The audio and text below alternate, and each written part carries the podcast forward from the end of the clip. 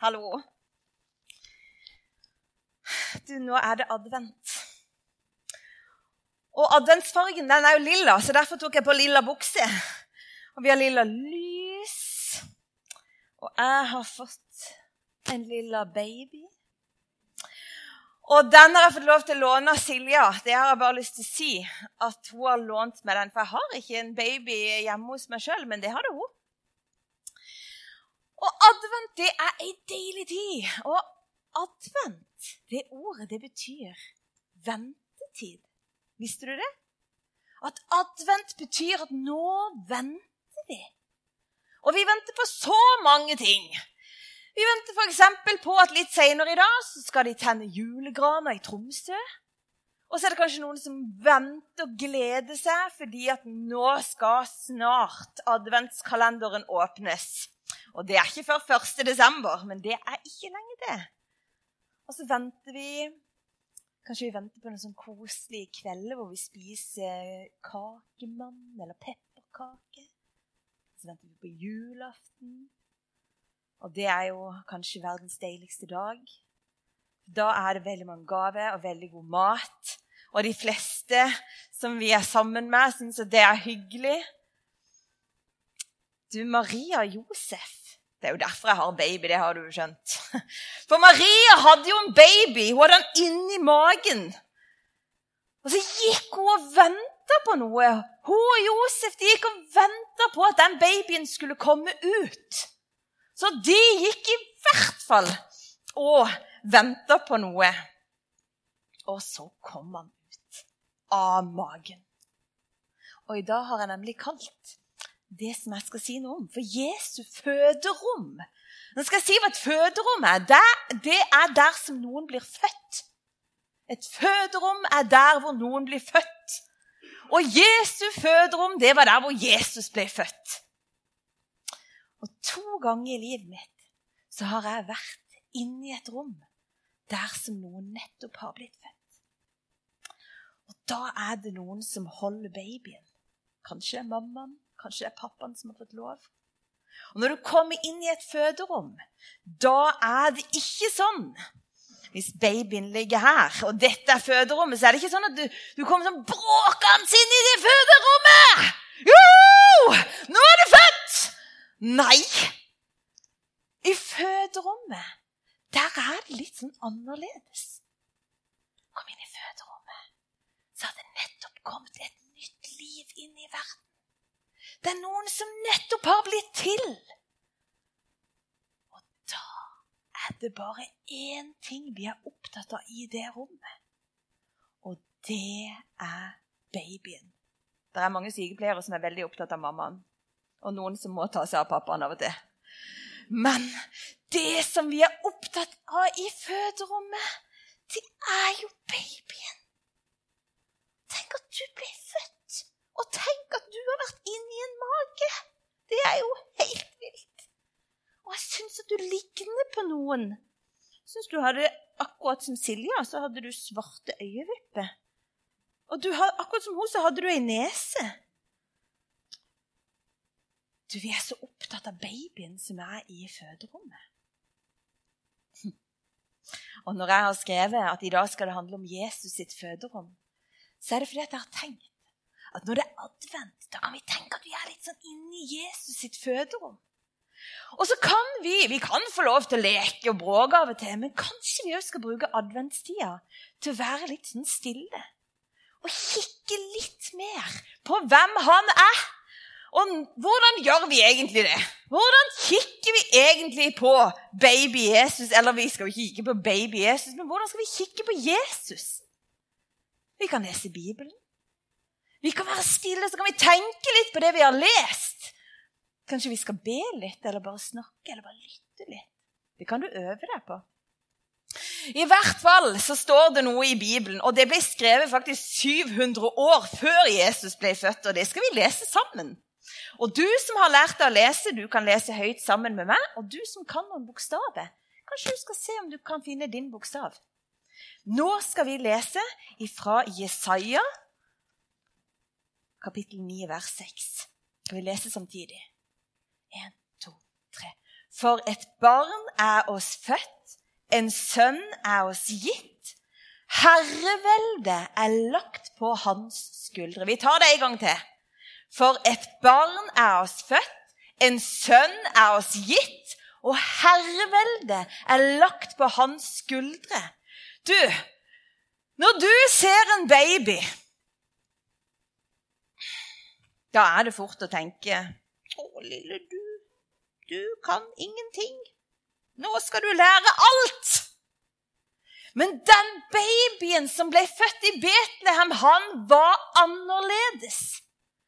For det står nemlig at allerede før han kom, så var herreveldet lagt på hans skuldre. Og vet du hva det betyr? At han som kom, han var herre overalt! Og det var det jo ingen som trodde når de så en baby. Og sånn kan det være. At det er ikke alltid vi skjønner hva vi ser. Derfor må vi bruke litt tid på det og finne ut av hva det er. Men noen som hadde brukt lang tid på å studere Jesus, til og med før han ble født, det var noen som blir kalt for de vise menn. Nå glemmer jeg at det er meg som skal holde på med denne, så det er godt at de hjelper meg litt. Det var de vise menn. Og de vise menn de var jo veldig vise, veldig smarte, og det var folk som drev og studerte. Og de studerte på hvem er han som skal komme. Hvordan ser han ut? Hva kjennetegner han? Og når jeg leser i Bibelen min, så kan jeg lære noe om hvem Jesus er. Og når jeg leser i Bibelen min, så står det om tre gaver. Som de vise mennene hadde med til Jesus. Og nå skal jeg si noe om de. Er det noen som vet hva den første gaven heter? Ja, det er gull! Den første gaven, det er gull! Og vet du hva? Denne gullklumpen her, den er funnet i Norge. Den største gullklumpen som er funnet i Norge. Sånn ser gull ut før du liksom lager noe fint ut av det. Og, men du har vaska den litt, felles, så kunne du ikke sett så tydelig at det var gull. Og den gaven som heter gull, den forteller oss noe om hvem babyen var. Fordi at gull, det ble kalt for kongemetallet. De som fikk gull i gave, det var de som var kongelige. De som var skikkelig, skikkelig på trona, de fikk gull. Og det må jo bety at han som var født, han var en konge. Han var en konge. Og vi har jo en konge i Norge. Han heter Harald. Kong Harald. Og hva gjør han egentlig? Ja, hva gjør han? Han driver og vinker. Hello. Så går han ut på balkongen på 17. mai. Og så vinker han litt til. Nei, Han gjør veldig mye som er viktig. Og det skal jeg ikke snakke om. Men når en konge var sånn som han var, de kongene som var i Bibelen Vet du hva de kongene der gjorde? De kongene som var i Bibelen, de hadde noen kjempeviktige oppgaver. Og en av oppgavene det var å sørge for landet sitt. Og det skal jo kongen vår òg gjøre. Han skal sørge for at hvis noen sier 'vi vil til krig mot landet ditt', så skal kongen beskytte. Og det som var vanlig, det var at hvis det var krig, så var kongen med. Og han rei ut! Hvis det var noen som truer hans sitt folk, da tar jeg dem! Jeg blir med! For en konge! En konge i Norge han skal passe på at Norge sine grenser er beskytta, sånn at Norge ikke mister seg sjøl. Og kongen vår, kong Jesus, han skal hjelpe oss og passe på våre grenser, sånn at vi ikke mister oss sjøl. Og når vi kjenner på at noe truer livet vårt, at noe vanskelig liksom kommer innover mitt liv Vet du hvem som er der da? Ja, kong Jesus. Han er der, og så er det ikke alltid han kommer sånn. Wow! Men det kan være han kommer sånn. Jeg skal kjempe sammen med deg. Jeg er her sammen med deg. Jeg skal hjelpe deg med dine grenser. Jeg skal hjelpe deg med ditt liv. Det gjør en god konge. Og en sånn konge var det som ble født, og derfor fikk han gull. noe annet som jeg har funnet ut om gull. Vet du hva det er? Det er at de pleide å bruke gull i medisin. Fordi det fantes faktisk noe som vi kaller for helbredende egenskapene i gull. I gullet så er det noe som, som gjør at, at sår gror litt fortere. Dette er en konge som vil beskytte oss, og som vil kjempe for oss. Og når vi kjenner at vi har noe i livet som er så vondt, vet du, da er han kongen som kommer. Og så har han helbredelse for våre liv. Tenk for en konge! Han der, altså. Jeg er glad for at han ble født, men det var ikke så lett å skjønne alt dette når han bare så ut som en liten baby. Nei. Og den andre gaven, hva var det? Nå har vi gull. Hva er gave nummer to? Ja, ja røkelse. Det er akkurat det det er. Og i går så tente jeg røkelse så det lukta kongerøkelse i hele leiligheten min. Og det syns jeg var så koselig. For da syns jeg liksom at det lukter litt jul. Og røkelse det er noe som man lager forskjellige ting som man tørker, og så kommer det en lukt når det blir skikkelig varmt. Og vet du hva røkelsen betydde? Hvorfor Jesus fikk røkelse? De som var prester, jødiske prester på Jesu tid og i mange hundre år før det, det var, det var de som brukte røkelse.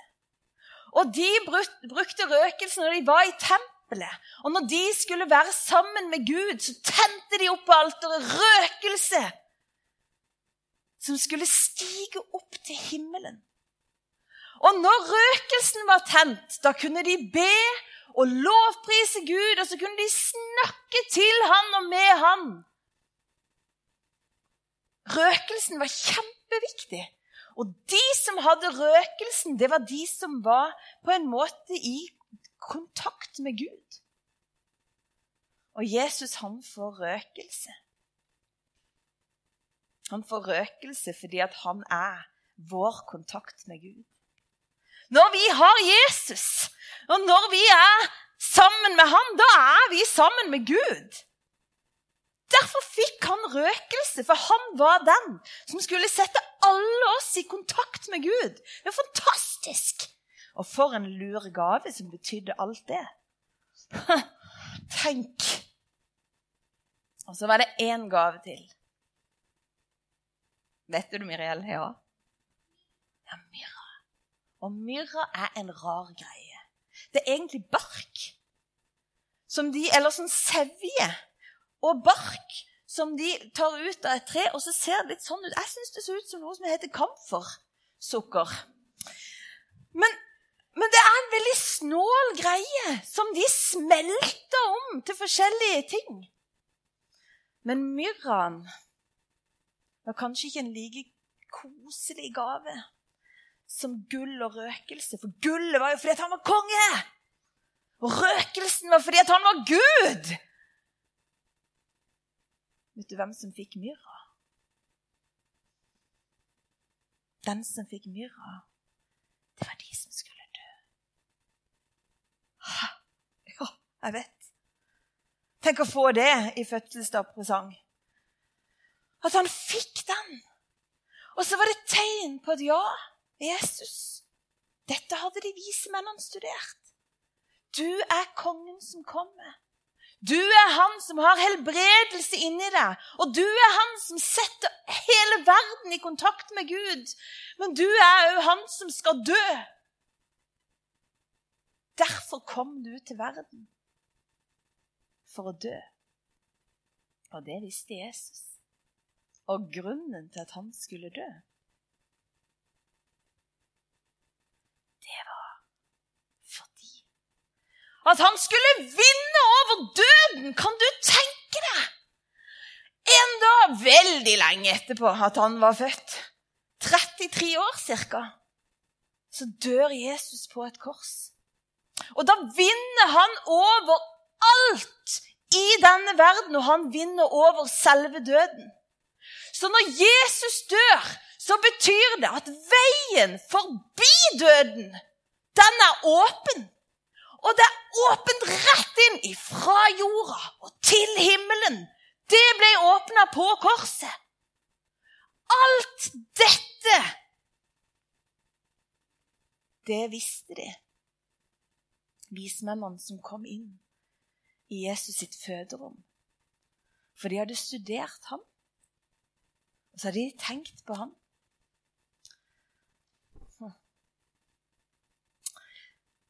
Når jeg tenker på alt det, så er det akkurat som om at når jeg er i Jesu føderom, når jeg driver og tenker på ham, så blir det på en måte Altså, Jesus er jo allerede født, sånn historisk sett, for 2000 år siden. Men det akkurat som når jeg er der, og når jeg tenker på disse tingene, da blir noe nytt født inni meg.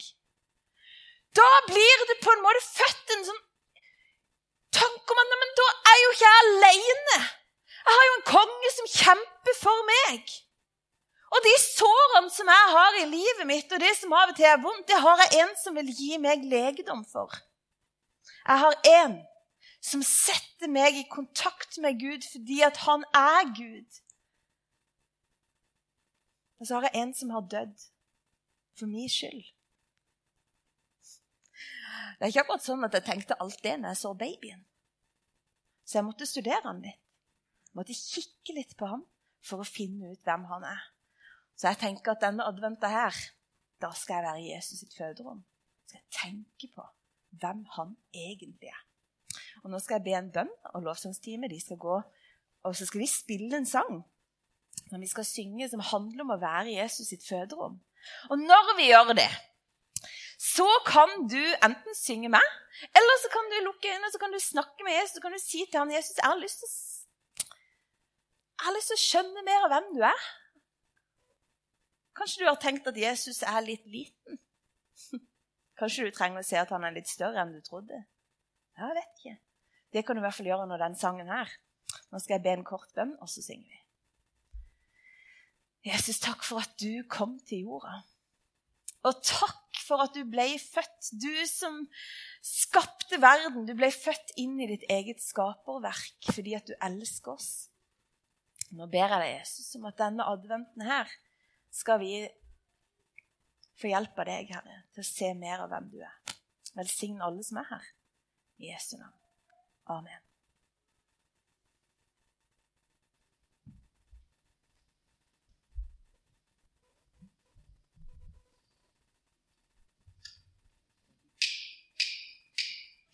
Mitt